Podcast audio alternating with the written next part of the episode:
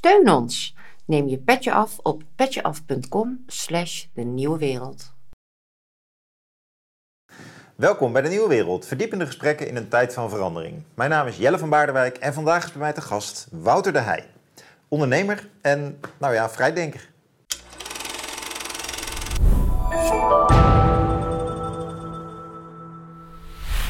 Nou, dat uh, beschouw ik als een groot compliment. Dankjewel. Beide trouwens hoor. Heel goed. Uh, ja, je bent ondernemer in uh, plantaardige innovatie. Je bent drie, vier keer eerder hier te gast geweest, dus we kennen je een beetje. Maar het is denk ik wel leuk om juist op die kant van jou nog wat verder in te zoomen. Om wat te leren over wat dat nou inhoudt precies, plantaardige innovatie. Wat er dilemma's daaromheen zijn. bijvoorbeeld rondom het maken van vleesvervangers. Dus uh, ja, daar, uh, vandaar de uitnodiging. En het, uh, het, leek je ook leuk om er nog eens wat dieper op in te gaan. Je hebt ook je computer meegenomen. Dus we kunnen nog wat statistiekjes en plaatjes bekijken. Dat is altijd wel handig bij dit soort onderwerpen. Ja, een paar plaatjes inderdaad erbij. Nee, ik ben inderdaad, nou wat is het, ooit als chemicus, biochemicus opgeleid hier om de hoek in Delft. Niet in Leiden, maar wel om de hoek. Ik ben 5, 26 jaar werkzaam in Wageningen. Ja. Rondom voedseltechnologie, innovaties in de meest brede zin van het woord. En eigenlijk mijn hele carrière vooral bezig met alles wat met uh, plantaardig voedsel te maken heeft. En dat is natuurlijk heel breed. Dat gaat van gesneden groente en fruit, de zakjes sla die je kan kopen in de, in de Albert Heijn. Ja. Uh, tot aan uh, vlees- en visvervangers, de generatie ervan en alles wat ermee te maken heeft. Ja, dat is wel wat spannender dan een krop sla die al is voorgesneden natuurlijk. Ja, alles heeft zijn eigen dynamiek, zijn eigen complexiteit zou je dat kunnen zeggen. Maar dat laatste is inderdaad absoluut, als, als ingenieur is dat een interessant onderwerp. Ja, ja. Uh, die onderwerpen die grijpen natuurlijk automatisch ook heel erg in op energie, energietransities, op eiwittransities, op global heating, over eerlijkheid en alles wat ermee te maken heeft. Boerensysteem, niet te vergeten. Hm. Uh, ik wil het S-woord van stikstof maar even niet noemen. Uh, en dat betekent dat daar, als je daar lang in actief bent, dat je ook die correlaties probeert te zien. Ja. En voedsel en voedseltechnologie is echt een onderwerp wat in de hoek van uh, uh, complexe systemen behoort. Ja, als we hem eerst toch heel klein maken van wat in voedselinnovatie, wat zijn nou bijvoorbeeld hele grote stappen daarin geweest in het recente verleden? In, in plantaardige voedselinnovatie, wat is het nou heel bijzonder? Wat, we, wat jullie tak van sport voor elkaar heeft gekregen, ja, wat we allemaal kennen uit de koelkast? Kijk, als je, als je 200 jaar pakt, uh, dan is het natuurlijk pasteuriseren, steriliseren, koelen, vriezen en drogen. Dat zijn eh, technologie-innovaties geweest, waardoor eigenlijk de hele wereld in grote mate veranderd is. We hoeven onze eigen producten niet meer te verbouwen. Ah. En er is eigenlijk al een tendens uh, in de laatste 10, 20 jaar om uh, iets minder dierlijk en te kijken of we iets meer plantaardig eiwit kunnen maken. En daar komt dan ook die term vleesvervangers naar voren. Ah. Nou, als je naar de, de markt gaat kijken, want je kan allerlei transities wensen, maar uiteindelijk moet iets gekocht worden door jou en mij, hè, door de consumenten. Uh, dan zie je dat uh, ongeveer een half procent van de bevolking in de westerse wereld heel erg uh, vegan is. En dat betekent dat ze ook geen eieren, geen melkproducten, dus echt 100% plantaardig consumeren. Dat is eigenlijk een hele kleine groep. Ja, dat vind ik nog veel, een half procent. ja, het is ook, ook zelden, zelden zo dat dat de rest van het leven zo blijft. dan is beperkt groeiend 5, 6, 7 procent. Eh, vegetarisch. Dus dat betekent dat ook eieren en zuivelproducten geconsumeerd moeten worden. Ik kan het ook omdraaien. Bijna 95% van de Nederlanders, de Europeanen en Amerikanen consumeert dierlijke producten. Met alle uh, gevolgen en uitdagingen van dien, waar we het straks wel over gaan hebben. Uh, en er zijn redenen, een paar goede en iets minder goede redenen wat mij betreft, om die 95% ervan te overtuigen om en iets minder vlees te consumeren uh, en daarmee dus automatisch ook iets meer plantaardig eiwit te laten consumeren. Mm -hmm. Nou, en dan is de eeuwige uh, roep en de eeuwige vraag: um, moeten dat dan vleesvervangers zijn of visvervangers zijn? Maar de realiteit is dat dat inderdaad de manier is om flexitarisme uit te lokken. Uh, dus mijn team en ikzelf, wij zijn eigenlijk al 15 jaar bezig om kip na te maken.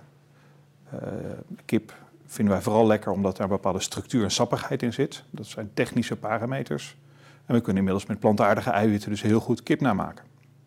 Dat doen we met een technologie die heet High Moisture Extrusion. En de laatste uh, zes, zeven jaar in opkomend zijn dus ook uh, uh, nou ja, natuurlijk beroemde hamburgers, maar we kunnen heel goed inmiddels gehakt maken. wat, wat gewoon lijkt op, op, op dierlijk gehakt. Wat net zo lekker is, net zo makkelijk te uh, gebruiken is. En ook qua gezondheid prima in orde is. Zijn dat die bakjes in de supermarkt die, met, met die, met fijn, die fijne korrels? Bedoel je dat met gehakt? Ja, wat je ziet is natuurlijk dat, uh, dat je generaties van producten hebt. Ja. En, en ik vind persoonlijk dat niet het meest, meest beste voorbeeld. Nee, maar jij zit natuurlijk helemaal in de, ook half in het laboratorium. Dus je ziet de meest recente innovaties. Ja. Als jij zegt kip, het lijkt heel erg op echte kip. Dan denk ik aan de supermarkt. Dan zie ik niet van die maar als er kippetjes, uh, kipimitaties liggen, maar van die, meer die stukjes die je in een pita broodje Maar wat je dus nu in het lab ziet, dat loopt twee, drie, vier, vijf jaar voorop. Nou ja. En dat Goed, ligt dat nog, nog niet zo langzaam gaat, hè? Dat dat uh, voordat het de consument bereikt. Ja. Nou, um, uh, de, de drivers daarin zijn niet zo heel erg ingewikkeld. Uh, ik noem er altijd maar vijf. Het moet lekker zijn, het moet lekker zijn, het moet lekker zijn. Uh -uh. En daarna bestaat er zoiets als prijs, consumentenprijs, en natuurlijk spelen ook zaken als duurzaamheid een rol, waar ik hoop dat we straks wat uh, dieper op in kunnen gaan. Uh, maar uh, als je die 95% wil overtuigen een transitie in te gaan, een woord wat ik niet zo heel erg graag gebruik, ik vind dat een rotwoord, ja, dan zal het ook wel lekker moeten zijn. Het moet passen ja. in het dagelijkse dieet, het dagelijkse manier van eten van, van, van jou en van mij. Heb je het gevoel dat mensen het inderdaad willen eten? Of dat het vooral een transitieverhaal is dat uh, op mensen wordt, uh, aan mensen wordt verteld? Wil, willen mensen inderdaad meer gedifferentieerd plantaardige vleesimitaties eten? Ja, ik denk dat dat NN is. Of zit je dan bij die 7%? Nee, nee, nee. nee 40% van de Nederlanders die consumeert niet meer elke dag vlees of vis. Dus, dus je ziet wel degelijk dat dat variërend van de 1 tot de helft van de tijd al plantaardig aan het worden is. Uh, maar er zijn nog wel twee hele grote uitdagingen. Hmm. En een daarvan is dat de afstand van de prijs van vleesvervangers die jij en ik betalen en ten opzichte van gewoon vlees is nog groot. Heeft onder andere te maken dat uh, de bruto marge op vleesvervangers, uh, die supermarkten met name willen hebben, in een tientallen procenten zit. Terwijl die op vlees op 6, 7 procent zit. Hmm. de tweede reden heeft met schaalgrootte te maken. De wereld van vleesvervangers is klein, kleine fabrieken betekent ook uh, dat je economy of scale nog niet helemaal doorgevoerd hebt. En uh, de vleesindustrie en de vleessector is natuurlijk uh, ja, vrij machtig en oppermachtig. Hm. Ja. Um, Heb je ehm, daarmee van doen, ja? Kunnen ze jou niet luchten of gebruiken ze je juist een schaamlab? Nee, dat, dat, dat, ik hoef dat niet persoonlijk mijn kant op te zeggen. Uh, heel veel slimme vleesbedrijven zijn nu ook wel bezig om in die vega-wereld te stappen. Maar hun eh, bread and butter, dat is, bread, bread and butter is natuurlijk wel degelijk vlees op grote hoeveelheden verkopen aan jou en mij voor lage prijzen. En daar zitten hun omzetten en uiteindelijk ook nog wel het gros van de winsten erin. Mm, mm, mm. Dus je ziet dat dat wat langzaam gaat. Uh, jij gebruikt ook het woord transitie. Uh, we hebben een paar van die transities waar we in Nederland zo, uh, zo, zo graag over praten. Energietransitie. stikstof is eigenlijk ook een transitie die we moeten moeten. En eiwittransitie is er ook zo één. Ja, wat bedoel je daarmee? Nou, eigenlijk moeten we in zijn algemeenheid daarvan zeggen, wat wordt daarmee bedoeld? Ja, maar met eiwittransitie in het bijzonder, want de stikstoftransitie die kennen we. We kunnen graag je mening erover horen, maar die eiwittransitie, wat bedoel je daarmee? Ja, grosso modo betekent dat uh, minder dierlijk consumeren en meer plantaardig consumeren. Mm. En ja, daarvoor zijn letterlijk tientallen, nee honderden miljoenen aan acties uitgezet, ook in Nederland, mm.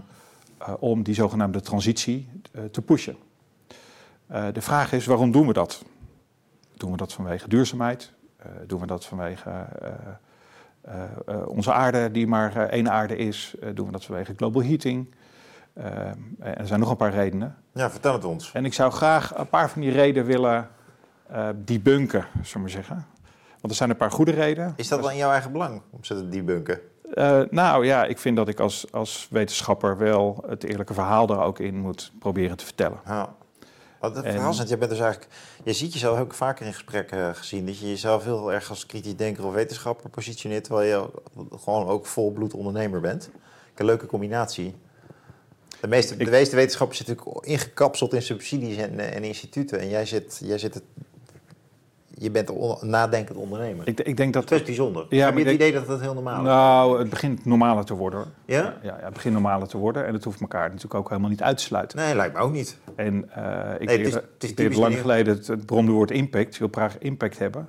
En dat doe je niet door nog heel veel meer papers te schrijven. Dan zul je toch moeten gaan doen in de praktijk, uh, leerde ik een jaar of twintig geleden. Ja, laten zien hoe het kan. Ja, zullen we eens even wat, wat, wat snel wat plaatjes bekijken, die dat toch een beetje uh, illustreert.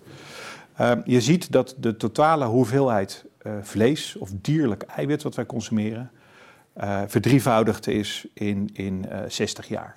Hm. Um, dus ongeveer rond het in gebruik nemen van de koelkast, hè? Nou, het is als jij vlees wil consumeren, wat beperkt houdbaar is, dan zul je toch ook wel een, een koelkast moeten hebben, anders gaat het niet. Oh, maar ja, je kent natuurlijk ook... Uh... Beef jerky, hè, gedroogd kan ook natuurlijk nog. Of, of, uh, dat is zeker. Je ziet ook dat die groei uh, in zeer grote mate in Azië zit. En um, dat, dat de groei in Europa er niet in zit. Dus de consumptie van vlees neemt niet toe. in Nederland consumeren we ongeveer 60, 65 kilogram dierlijk eiwit per persoon per jaar. Uh, dat is, je zou kunnen zeggen vanuit gezondheidsredenen, uh, net iets te hoog. Uh, maar in Amerika bijvoorbeeld is dat 120 kilogram per persoon per jaar. Dus dat is bijna het dubbele. Um, en er zijn natuurlijk een hoop mensen die, die denken dat dit een, een groot milieuprobleem is. misschien wel een gezondheidsprobleem. En daardoor is die roep, die wens om die zogenaamde eiwittransitie, ja. minder dierlijk, meer plantaardig te pushen, ja. lijkt een logisch uh, standpunten zijn. Nou, is dit ook wel de periode waarin mensen veel meer uh, suiker zijn gaan eten? Dus uh, geprefabriceerd eten en zo. Er zijn meerdere redenen die maken dat mensen in 61 nog... je kent die filmpjes toch wel? Ja, je, ik, ik, dat je Europeanen en Amerikanen op straat ziet lopen... dat je denkt, god, de mensen zijn allemaal slank. En, ik, ik, daar wil ik graag nog een keer op terugkomen. Want er zijn historisch gezien mooie verhalen te vertellen over hoe uh, de roep om light producten in Amerika uitlokte dat er meer koolhydraten en suiker in voedsel werd gestopt. Zo'n beetje eind jaren 70. Oh, ja. Uh, hoe ook uh, de Brazilianen daarop reageerden. Want het was allemaal suikerriet wat naar Amerika ging. Die ging namelijk op alcohol rijden, autorijden. Hm. Dat was een stuk van de geopolitiek. Volgens mij is dat nu niet iets wat we moeten gaan doen. Uh, voor, door, dit ga, gesprek. Ga door, maar in ieder geval even. maar je ziet dat die groei vooral in, in Azië zit. En ik zal een tipje van de sluier oplichten. de consumptie zit vooral op meer kip. En eigenlijk niet op herkauwers, uh, runderen en koeien. Goh, waarom eigenlijk? Kip is toch in Nederland helemaal niet zo'n uh, bijzonder stuk. Uh... Nee, maar als je naar voedselconversie gaat kijken, dus dierlijk feed wordt dat genoemd, naar een kilogram kip, dan is dat een heel efficiënte conversie, zo wordt dat genoemd. Dus je hebt maar heel weinig diervoer nodig om een kilogram eiwit, dierlijk eiwit te maken in de vorm van kip. Oh ja, dus een kip is een efficiënt dier eigenlijk? Eigenlijk is een kip een super efficiënt dier. Goh, en hij geeft ook nog eieren? Hij geeft ook nog eieren, ja. Als je naar de grote drie, uh, drie dieren gaat kijken, dan hebben we natuurlijk runderen, koeien. Uh, die er bekend om staan dat ze uh, methaan uitstoten, wat een broeikasgas is. maar die van oudsher eigenlijk lopen op graslanden, waar we niks anders mee deden dan ja, het gras groeide en daar konden dan die beesten op lopen. hebben we varkens, die eigenlijk van nou, oudsher vooral voedselresten in de steden oppeuzelden. Dat is nu niet meer het geval, maar zo is dat wel ontstaan. Hm. En die kip, dat waren scharrelaars, die, uh, die redden zich wel. Nou, een van die reden, uh, politieke reden, als je goed luistert, om uh, die eiwittransitie te pushen, dat zou zijn global heating. een jaar of 10, 15 jaar geleden riep de FAO dat 25% van alle broeikasgassen door, door dierhouderijsystemen kwamen. En daardoor werd het steeds populairder om eigenlijk uh, die dierhouderij, met name runderen, de schuld te geven van het grote probleem. Hm. Het grote probleem, ik heb het nu over... Het opwarmen van de aarde. Opwarmen van de aarde. Ja. Is het terecht verwijt? Ik denk dat daar heel veel kanttekeningen bij te plaatsen zijn. Ja. En wat zijn de belangrijkste? Ja, ik, ik heb dat in een plaatje, probeer ik dat straks even uit te leggen. Maar ik zal even een, een historisch voorbeeld geven. Uh, in Amerika liepen uh, 200 jaar geleden nog 60 miljoen bisons en antilopen rond die zijn er niet meer. Je mag raden hoeveel koeien er ongeveer in Amerika nu rondlopen. Ongeveer evenveel. Dus uh, uh, die bisons, dat waren ook beesten die methaanemissies uitstoten. Dus uh, het eerste voorbeeld wat je kan geven, er vindt natuurlijk een, een verschuiving plaats van geen, noem het maar, natuurlijke bisons in het natuurlijk systeem. Die zijn er niet meer naar koeien die op feedlot staan of die grazen, eh, die wij houden. Mm. Maar vanuit methaanuitstoot is dat een, geen, een, net hetzelfde, hetzelfde geweest. Hè? Daardoor is er geen extra methaanuitstoot geweest. Mm. Um, Ik ehm, eh, laat dit plaatje zien. Een mea culpa, het is iets te complex, uh, maar het wordt, uh, begrijp ik, later in, ingeplakt. onze pink elephant, onze roze olifant, is alle fossiele brandstoffen die wij verbranden en de lucht inbrengen. Dus we hebben het over aardgas, aardolie en steenkolen. Je bedoelt, dat is, de, dat is de, wat iedereen wel weet, maar niemand wil benoemen? Dat is wat iedereen weet en niemand wil benoemen. En als je naar het eetsysteem kijkt, zowel plantaardig als dierlijk, dan zie je dat het eigenlijk kortcyclisch is. Wat bedoel ik daarmee? Als ik een uh, atoom CO2 heb, een molecuul CO2, ik moet het wel goed zeggen, dan wordt dat opgenomen door bijvoorbeeld gras. Ja. Die wordt in hetzelfde jaar door een koe geconsumeerd. Ja, die koeien uh, die uh, stoten methaan uit. Methaan is een zwaarder broeikasgas dan uh, CO2 hè, in termen van, van global heating. Maar binnen tien jaar wordt dat methaan weer afgebroken naar CO2 en wordt daarna weer door gras opgenomen. En wat ik lang geleden leerde in het mooie Wageningen is dat als je gaat kijken naar klassieke manieren om uh, eten te maken via uh, akkerbouw of zelfs via het dierhouderijsysteem, dat dat dus geen toevoeging is van hoeveel CO2 in de aarde en daarmee dus ook niet voor extra opwarming van de aarde leidt. Het blijft dus, een op zichzelf staande cyclus, zeg je? Dat is een korte cyclus, inderdaad. Waar, ja, die al miljoenen jaren zo is. Uh, waardoor... Maar hij is wel kwantitatief toegenomen. Kom ik straks op terug. Of zeg jij door die bizons dat dat eigenlijk niet zo is? Nee, er heeft dus een transitie plaatsgevonden van natuurlijke systemen, beesten in het natuurlijk systeem, naar onder ons beheer. Ja, ja. Uh, en daar kan je echt wel veel over zeggen, maar als je puur naar zuivere emissies gaat kijken en je compenseert ook voor opname, namelijk via planten, dan is uh, de roze olifant nog steeds fossiele energie. En dan hebben we het in global heating termen eerder over 2, 4 of 6 procent. En dan is je dus 96 procent nog steeds fossiel gerelateerd. Dus het argument om minder vlees te gaan eten, nou, om, om eigenlijk de aarde te redden. Ik zeg het met een grote glimlach, want dat is natuurlijk ook een, uh, ja. een, mooi verhaal waar we het over kunnen gaan hebben. De aarde redden, dat is iets heel erg Calvinistisch. Uh, bijna. Eh, ik wil de aarde redden, daarmee ben ik moreel beter dan jij dat bent. Uh, daar zullen we het hier maar niet over hebben. Maar uh, de impact van vlees eten op uh, global heating die is eigenlijk maar heel erg beperkt. En ook niet te vergelijken met vliegen, wat ik zelf recent weer gedaan heb naar de vakantie toe. Of autorijden. Ik ben hier met de auto gekomen. Hm. Dus dat argument global heating is een hele zwakke om daardoor die eiwittransitie te willen gaan hebben. Hm, hm, um, de, de, de maar die ik erbij moet zetten is natuurlijk dat als het aantal dieren toeneemt, wat het ook nog doet, dan vindt er wel iets extra aan opwarming plaats. Dus wij moeten het aantal beesten stabiliseren, met name het aantal runderen, herkauwers. Ja. Maar eigenlijk zeg jij dus, als dit, dit argument op me laat doordringen, neem even een slok water. Dat je. Uh, dus je moet de industrie, data, de logistiek, de havens, dat zou je eigenlijk moeten aanpakken als je de opwarming van de aarde wil tegengaan. Ja. Uh, terwijl dus die focus op de koeien, dat is een idee fix. Yes. Als wij morgen het toekomstig kabinet, wie er ook mogen gaan zitten, eh, in mogen fluisteren wat is nou verstandig beleid. Uh, en uh, ook uh, klimaat en energie ja. zou aangepakt moeten worden. Dan moeten we vooral het spoor van fossiele energie volgen. En is de, de vriendelijke gedachte, zou je kunnen zeggen, een naïeve gedachte, minder vlees eten, daarmee redden we de wereld niet.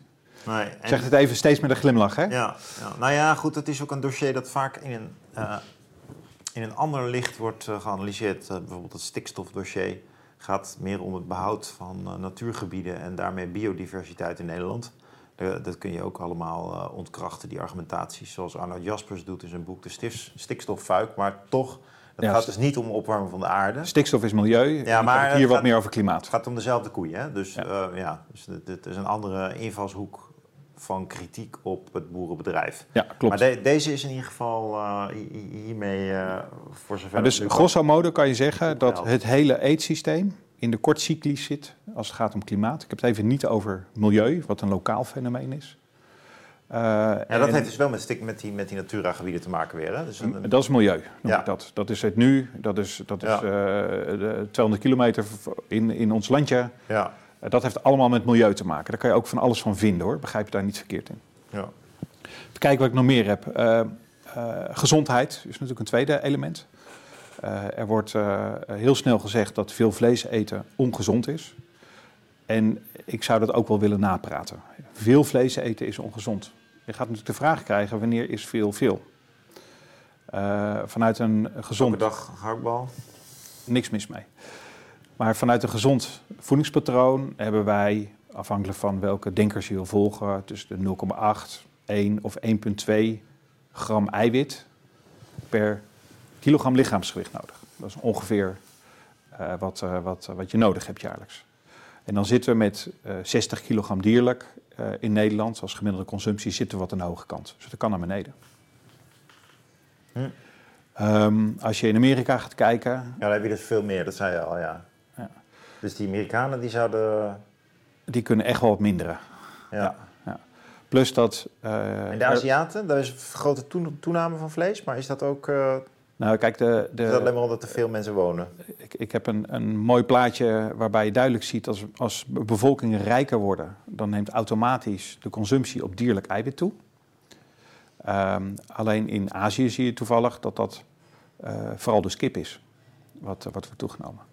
Zijn er dan helemaal geen uh, gezondheidsgerelateerde uh, effecten aan vlees op te hangen? Er zijn grosso modo twee effecten op te hangen. Eén daarvan is te veel eten, betekent gewoon te dik worden. Maar dat geldt voor alles, ook voor vlees. En het tweede aspect dat heeft met name, lijkt het met nitriet te maken. Dus in, in, Amerika wordt heel veel processed meat geconsumeerd. Waar met name conserveermiddelen aan toe worden gevoegd om Clostridium botulinum te controleren. En daar lijkt een associatie te zijn met name met verhoogde kans op darmkanker. Dus ongeveer 10% hoger. Hmm. Ook dat wil ik in een perspectief plaatsen. Waar zit dat verwerkte vlees in Nederland in producten? Ja, nitriet wordt in droge worsten bijvoorbeeld gebruikt. Oh ja. Waarschijnlijk iets wat uh, hier het eind van de dag met een, uh, een nou, toosje, een kaasje en, en, en, een biertje erbij lekker geconsumeerd wordt.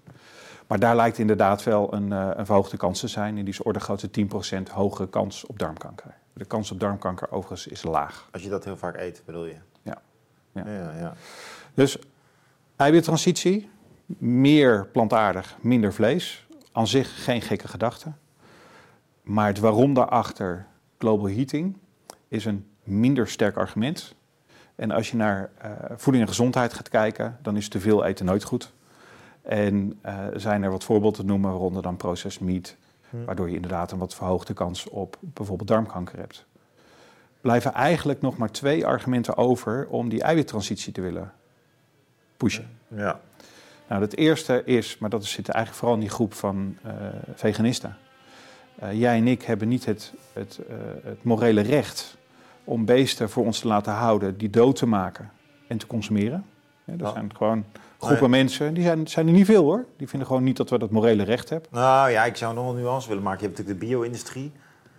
Uh, dat is een redelijk verderfelijke business. Als je daar filmpjes van ziet, uh, hoe, uh, hoe er met beesten om wordt gegaan, wat daar voor misstanden zijn, dat, dat, dat, dat, maakt toch wel dat ik wel ook graag biologisch consumeer in ieder geval. Om te voorkomen dat, dat je daar te veel in zit. Ik weet dat het allemaal maar etiketteringen zijn, maar toch. Dus je kunt nog een onderscheid maken. Hè? Dus dat je zegt van ja, de, dieren eten oké, maar uh, je, je, je, hebt ze zelf niet uh, op de jacht uh, meegenomen naar huis. Maar je koopt ze dan in ieder geval bij een slager waar je van denkt, nou, er is reden om te denken dat dit dat, dat, dat, gekoppeld is aan boeren waar redelijk met beesten wordt omgegaan. Vind je niet? Ja, ik ben het daar in de basis mee eens. Hè? Ja. Ik eet ook vlees, hè? laat dat ook helder zijn. En ook daar weer de kanttekening, de wetenschappelijke kanttekening. Als jij biologisch uh, uh, gehakt wil hebben, dan betekent dat dat je een koe hebt die veel buiten loopt, die extensief gehouden wordt ja. en dus ook meer ruimte nodig heeft. En eigenlijk in technische termen minder efficiënt is. Dus daar zie je dat, dat ja. diervriendelijkheid en milieu, dat zijn niet uh, uh, dat zijn eigenlijk verschillende kanten van, van, van de medaille. Ja, maar je hebt, nog niet uit, elkaar... je hebt nog niet uitgelegd waarom milieu nou zo uh, erg de dupe is van die, van die beesten. Dat, Daar wil ik straks nog even op terugkomen. Maar, dus, dus biologisch is beter. Nou, wat zie je dan? Nou, moreel gezien, maar jij zegt eigenlijk efficiënt, economisch gezien in ieder geval niet. Nee. En milieutechnisch gezien misschien ook wel niet. Dus... Maar goed, dat is één argument. Hè? Dus ja. dat, de, de, morele kanttekening... Daar zit, een morele, ja. daar zit een morele kant in. Of ja. dat dan diervriendelijkheid is of überhaupt gewoon niet het recht hebben om beesten dood te maken... dat heeft met, met ethiek te maken. Ja, nee, maar het is een tussensmaak. Namelijk een verschil tussen kiloknallers en biologisch vlees. Ja, ik vind het toch een belangrijk verschil. En als je dan mondiaal gaat kijken, dan zie je zulke gekke dingen. Dus uh, in het niet-landbouwakkoord, het landbouwakkoord dat nooit gekomen is, hm. uh, daar was bedongen dat Nederland extensiever koeien moest gaan houden. Dus dat er minder koeien per hectare ja. worden neergezet. Dan zou je denken, dat is hartstikke goed. Als je nu gaat kijken naar Brazilië, daar hebben we een periode gehad van veel ontbossingen vanwege landbouw. Met name van diervoeding en soja. Maar het gros van Brazilië, dat zijn dat pampas, dat zijn, dat zijn graslanden die van nature graslanden zijn en waren. Hmm. En omdat met name de Chinezen heel veel diervoer willen hebben vanwege allerlei dierhouderijsystemen, zie je dat er nu een transitie plaatsvindt van die ouderwetse graslanden, waar de, de gaucho's met hun paarden uh, achter de extensief gehouden runderen ja. aanliepen. En dat wordt nu geconvert naar uh, soja. Dus daar zie je dat die extensief gehouden vleessoorten, die staan nu onder druk door, uh, doordat er meer sojavelden worden gemaakt. In Nederland doen we het andersom. Hè. Gaan we, willen we die extensieve kant juist weer op. Uh, en dat tekent dus ook hoe hoog wij in de piramide van Maslow zitten. En dat dat niet voor heel ja, de wereld zo Nee, maar dat maakt het ook niet uit. Dus is dat erg? Ik heb toch... Ik, ik, ik, vind dat ja. kiezen en politiek, dat je altijd moet weten wat zijn de consequenties. Dat komt van... dat, en, en, we praten te weinig over die consequenties. Ja, ja. En, en dat is wat, wat, ja, wat ik denk dat dat meespeelt. Um, dus voeding en gezondheid. Uh, het laatste argument dat is uh, uh, beperkte landbouwgrond. En ik tipte, of ik had daar net al een tipje van de sluier mee opgericht. Als je naar de wereld gaat kijken, is ongeveer 30% is grond en 70% zijn de oceanen. En als we in gaan zoomen op die 30%, dan zie je dat we op dit moment 10% daarvan, dus een derde van die 30%, inzetten voor het produceren van eten. Dat is natuurlijk geweldig. Dat is giga hoeveelheden grond zijn dat. Um, en van die 10% is 20% eh, ingezet voor akkerbouw. Hm. Dus voor uh, tarwe waar, waar we brood van kunnen maken. Of allerlei groentes. En die andere 80% daar maken we soja van. Of maken we tarwe van. En dat wordt feed genoemd. Dus dat is eigenlijk diervoeding. voeding voor de dieren. Niet zijn dus het argument, we verbruiken wel heel veel van het oppervlak van de aarde om eigenlijk dierhouderijsystemen in eh, stand te houden. Dat is absoluut een terecht argument. En een terecht argument wat je mag inzetten om die eiwittransitie vorm te willen gaan geven. Dus minder dierlijk en meer plantaardig. Huh? Maar ook daar valt weer een nuance bij te zetten. Die 8% van de totale grond die wij inzetten voor feed, wordt dat genoemd? Eten voor dieren. Ja, Um, daarvan is 70% weer die graslanden. En die natuurlijke graslanden, ik hm. was op vakantie in Schotland, waar de schapen buiten rondlopen uh, op, de, op de heuvels en de bergen, is eigenlijk helemaal niet geschikt om daar landbouw op te bedrijven. Dus uh, de, de, het, het vingertje uh, weet je wel dat 80% van alle landbouwgronden worden ingezet voor dierhouderijsystemen. Dat klopt in, het, in, de, in de getallen, klopt dat. Hm. Alleen als je daar genuanceerd naar gaat kijken, ik zou niet graag zien dat wij uh, de Pampa's in Brazilië, Argentinië, of uh, de gaslanden in Noord-Nederland, of uh, hm. wat ik al aangaf, het mooie Schotland, waar ik op vakantie was, om zouden zetten naar akkerbouwsystemen. Ja, ja. En, um, maar eigenlijk heb je daar dus alle argumenten tegen die vleeswereld ontkracht.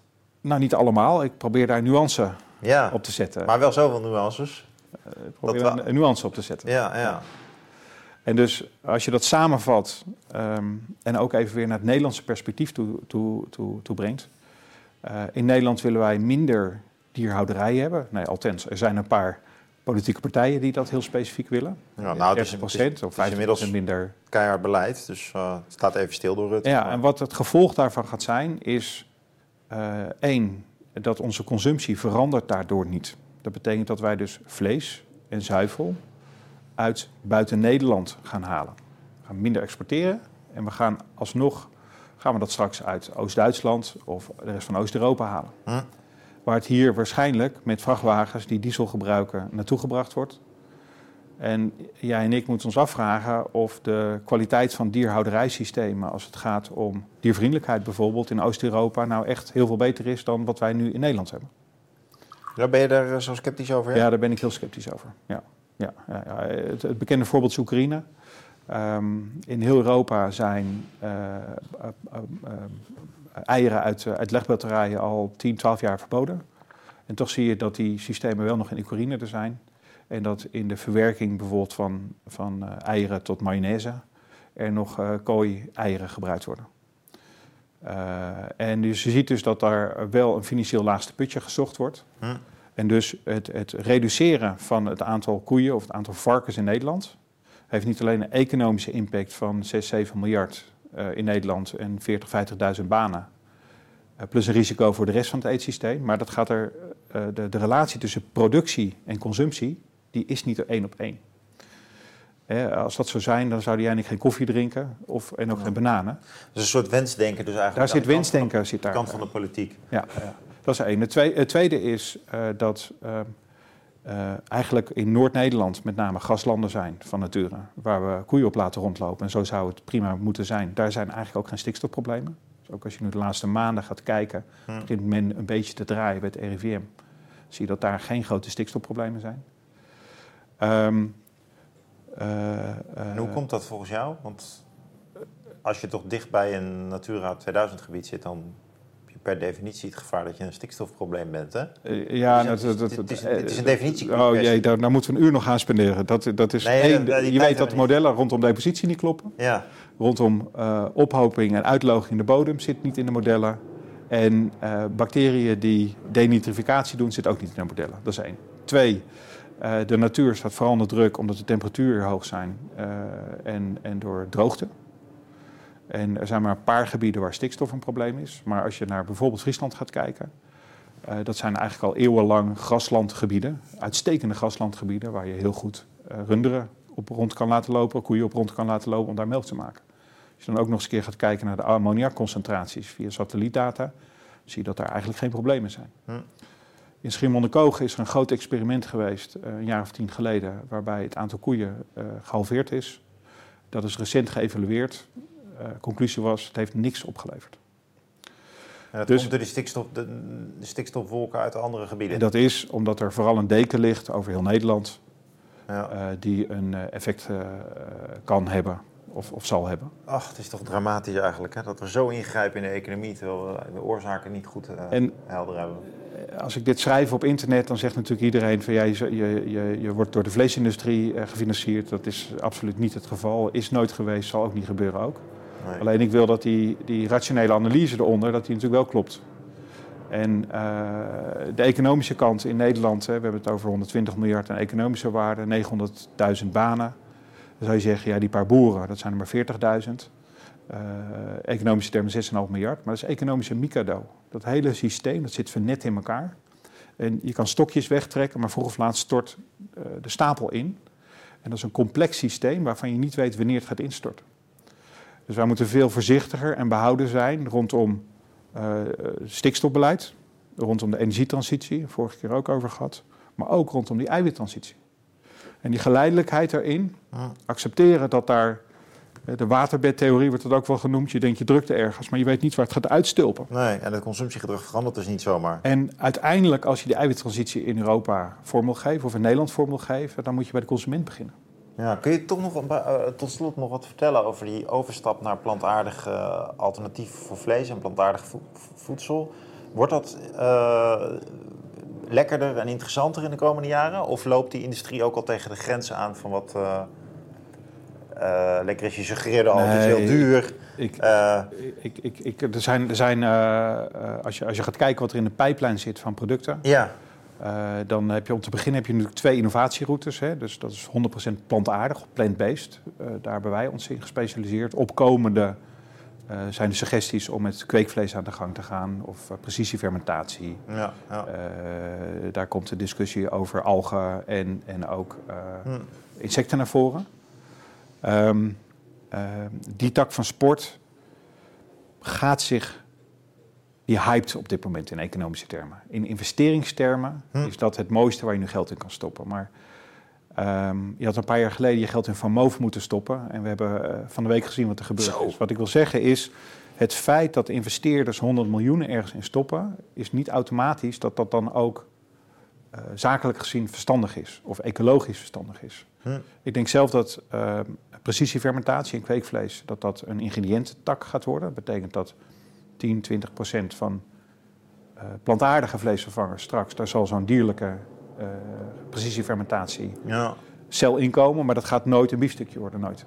Nee, ik denk ook dat er heel veel twijfel zal zijn bij consumenten om dat eh, te eten. Nou, dat is het tweede. Als ik naar mijn jonge, mijn, mijn jonge me- werknemers kijk... die zijn zo gewend om vegetarisch of vegan te zijn... die zitten daar al niet meer op te wachten. Dat is wat ik denk van de dat consument. zijn vaak een beetje vooruitlopers. Dus Maar dus willen we aan de consumentenkant eh, die transitie vormgeven. Want je moet niet beginnen bij de boeren of bij de fabrieken, maar je moet bij de retail maar je moet beginnen bij, bij ons gedrag. Eh, jij en ik, zullen we maar zeggen. Wat doen we thuis? Hm. Dan, eh, dan, dan spelen daar eigenlijk twee zaken een rol. Ik pleit, en ik heb daar een zakelijk belang bij, al tien jaar voor een vleestaks. Dus het bewust wat duurder maken van vlees en dierlijk product vanwege de effecten die we nu besproken hebben. Eh, Dat is één. Het tweede is eh, het, het doorontwikkelen van vlees- en visvervangers, zodat ze lekkerder, lekkerder, lekkerder worden. En dat gaat over structuur, dat gaat over eiwitten, dat gaat over gebruiksgemak. en, heb- en, En als je schaalvergroting doorzet, en dat is, eigenlijk is nu het moment daar al. Wij kunnen nu al vleesvervangers maken die zo fantastisch zijn dat ze goedkoper zijn dan rundvlees. Hm. Daar lopen we vooral tegen supermarkten aan die eh, een hoge bruto marge willen hebben ten opzichte van wat ze op vlees doen. Hm. Uh, maar we, die transitie die, die moet komen vanuit de consumenten. Die moet komen vanuit ons, vanuit Ja. ons gedrag. En doet me denken aan de geschiedenis van de koelkast. Eh, daar heb ik eens een keer een essay over gelezen. Ja, zo lees je nog eens wat in je leven. Eh, en eh, de auteur was een historicus die zei dat de koelkast bij de consument thuis is gekomen via de Albert Heijn. Dus zijn, zijn hypothese was eigenlijk, eh, de koelkast die bestond al lang. Het bestond in de Tweede Wereldoorlog al. En is toen in de jaren 40, 50, nou ik weet niet meer wanneer, ik, ik denk eind jaren 50 eigenlijk pas, ehm, echt bij mensen thuis gebruikt. Omdat bij, bij de Albert Heijn men zei van dit moet je kopen. En ook een vriesvak eh, of een koelvak had. Om vervolgens die producten te verkopen. Dus eigenlijk de, de, de, eh, de, de, vertrouwde, de vertrouwde factor in de, in de keten van tussen producent en consument was toch de supermarkt. nee, maar dat, dat, dat is, Dus niet de consument die het eigen gedrag veranderde, maar de, maar de supermarkt. het is heel populair om de supermarkt als grote kwaad te zien van ons allemaal. Hè? Weet je wel, die knijpen de boeren uit, eh, die, eh, die zorgen voor altijd processed foods. Maar die zorgen er ook voor dat jij en ik hier kunnen zitten en dat we niet meer ons eigen eten hoeven te verbouwen. En die hebben heel veel eh, diversiteit in ons eten eh, eh, gerealiseerd, maar daar hoort ook koelvers bij. Ja. Dus de technologische innovatie van koelkasten, dat was pakweg 100 jaar geleden GE, die een warmtepomp eh, bedacht. En dus elektriciteit, wat toen net een beetje begon op te komen, inzetten, warmtepomp, om daarmee een koelkast of een vrieskist te maken. Dat was de technologische sprong 100 jaar geleden. Maar de massa-adaptatie, dat is inderdaad eh, na de Tweede Wereldoorlog eh, heeft er plaatsgevonden. Je zag daar aan de ene kant dat door schaalvergroting die prijzen van koelkasten naar beneden gingen, maar ook het nut en noodzaak om een koelkast te hebben, die nam toe. Omdat inderdaad wij in supermarkten eten en koelvers eten gingen kopen. Ja. En er vanuit die kant werd gezegd, het is oké. Ja. Eh, en daar zie je dus, ehm, dat, dat wordt wetenschap, technologie en kapitalisme genoemd. Dat is een soort van driehoek die om elkaar heen danst. Hm. Eh, dat, dat nieuwe uitvindingen, eh, nieuwe wetenschappelijke inzichten leidt tot technologie. Daar moet wel geld bij Ja. op het juiste moment. En dan vindt die adaptatie plaats. Eh, en En, dat in die met, spanning van die drie opereer jij. En een van de, de problemen is die supermarkten hebben te veel macht. Maar is het ook bijvoorbeeld zo dat de overheid nog te veel een omzoming heeft... waardoor je allerlei experimenten niet kan uitvoeren? Of is het, want je zou zeggen, ideologisch gezien heb je als ondernemer die bezig is met eh, eh, plantaardige innovatie... echt de wint toch enorm mee? Ja. Dus er er is toch niemand die jou het breed in de weg legt... om radicaal te innoveren met plantaardig voedsel? Of is, nie- is niemand, dat naïef? Nee, nee, nee. Dat- ik, ik voel geen blokkades in dat opzicht. Nee. Eh, eh, Nee, want als je, er zijn genoeg businesses, denk ik, waar heel veel barrières opgeworpen zijn. Ik zou niet graag directeur bij Tata nu zijn, om even een voorbeeld Ja, te nemen. of Dat is boer. eh, Ja. Als je toch gaat kijken naar beleidselementen erin. ehm, eh, eh, eh, kweekvlees als voorbeeld. Ik geloof niet in een toekomst van kweekvlees op grote schaal. Maar ik vind wel als innovator dat er ruimte moet zijn om te experimenteren met kweekvlees in Nederland of daarbuiten. Hm. Singapore heeft dat uh, drie, vier jaar geleden toegestaan. Amerika uh, ook vorig jaar of begin dit jaar. En gelukkig heeft ons ministerie tien dagen geleden toegestaan dat start-ups die zich met kweekvlees bezighouden in een gecontroleerde omgeving inderdaad wel consumententraals mogen doen. Oh ja. Dus dat is een, een voorbeeld van een wetgeving. Novel Food liet niet toe dat je daarmee mag experimenteren. Ja. Dat is, gedeeltelijk is dat nu weggenomen. Oh, dat is mooi. Dus ik geloof daar zakelijk niet in. En toch vind ik dat goed beleid. Ja. Ze zeggen wel, Wageningen is een soort food valley. Ja, de hele... variatie op Silicon Valley. is het eigenlijk zo dat er allemaal bedrijven zitten in die takken van sport waar jij van denkt die lopen voorop. Nederland doet mee in deze business? Of is het meer ja, dat, uniciteit, wat je, die, die, die bedrijven de, van jou? De publiciteit is erg goed. Maar tegelijkertijd is het ook zo dat dat de food valley is. dus als je ziet hoe, van multinationals tot start-ups, hoeveel beweging er is... en ook ontstaan is in de laatste twintig jaar... in dat kleine plaatsje waar 45.000 mensen wonen in de omgeving... dan is dat wereldwijd uniek. Ik sprak vanochtend in de auto oh ja. uh, hier naartoe met uh, een Duitse firma... Uh, omdat ze een congres aan het organiseren zijn, tweede helft van het jaar. En die zei ook van ja, wat jullie daar doen in Nederland, dat is gewoon werkelijk uniek. Oh, wow. Dat is ook waarom ik zo voorzichtig wil zijn met die boerensector. Mijn ouders zijn geen boer, ik heb geen boerenbedrijf. Maar uh, die boerensector, voedselverwerkers, voedselingrediëntenverwerkers, uh, merken, grote, grote hoofdkantoren, spijtig genoeg Unilever weg, uh, tot aan retail, dat zit zo geconcentreerd in Nederland bij elkaar. En we hebben ook nog eens een keertje een samenleving die wel eens wat wil proberen dat maakt dat die economische sector uh, gelukkig nog behoorlijk goed aan het innoveren is, onderzoek aan het doen is, basisonderzoek aan het doen is en vooruit aan het gaan is. En je hebt ook gewoon de, uh, de nieuwe aanwas van personeel. Allemaal is dat, is dat getalenteerde ja. mensen die, die, die zich hier ja. vastbijten. Dat is wel goed om te horen. Dat zijn allemaal positieve dingen en daarom pleit ik ook om zo voorzichtig te zijn rondom ja, maar je zou ook die vinger te wijzen naar die dihouderijsystemen. Ja, en je zou ook kunnen pleiten voor het omgekeerde. Zeggen van wij hebben hier in huis een, eh, een grote innovatiemotor. Ja. Laten we het roer eens omgooien. Dus... Maar dat gebeurt. Alleen um, als je gaat kijken naar bedrijven en ecosystemen. Uh, als er geen productie is, als er geen handel is, als er geen hoofdkantoren zijn. dan gaat vroeg of laat de deur dicht gedaan moeten worden, ook rondom research. Ja. Dat, dat hoort te dicht bij elkaar. En, en daarom... Mooi, je hebt echt die ketenbenadering, hè? Ja, dus, dus, dus je hebt, je hebt niet alleen... Die, ja, je hebt de keten van, van boer tot, tot, tot consument en supermarkt, alles wat ertussen zit. Maar je ziet dus ook van research, uh, innovatie, start-ups, financiering daarvan... Uh, ruimte scheppen, dat worden field labs genoemd, om nieuwe dingen te mogen proberen, ook bij supermarkten. Ook dat is een soort van keten, hè? Van, van idee tot aan, aan de markt. En dan ook nog eens een keertje op elk van die keten stappen. Dat geldt voor de boeren, dat geldt bij de retailers, alles wat er tussenin zit. Dus daar zie je dus dat van ideeën en onderzoek en innovatie eigenlijk die bewegingen gemaakt worden. En daarom heb ik het steeds over economische micro. Daarom vind ik het ook niet fair om de boeren de schuld van alles te, te willen geven. En daarom ben ik ook zo voorzichtig met het denken in die boeren moeten weg. Want dan hebben we stikstof opgelost. Wat, wat er daarna gebeurt, dat weten jij en ik niet. Nee, die stikstof, dat is sowieso natuurlijk een, een, een, een spookbeeld, een farce. Ja.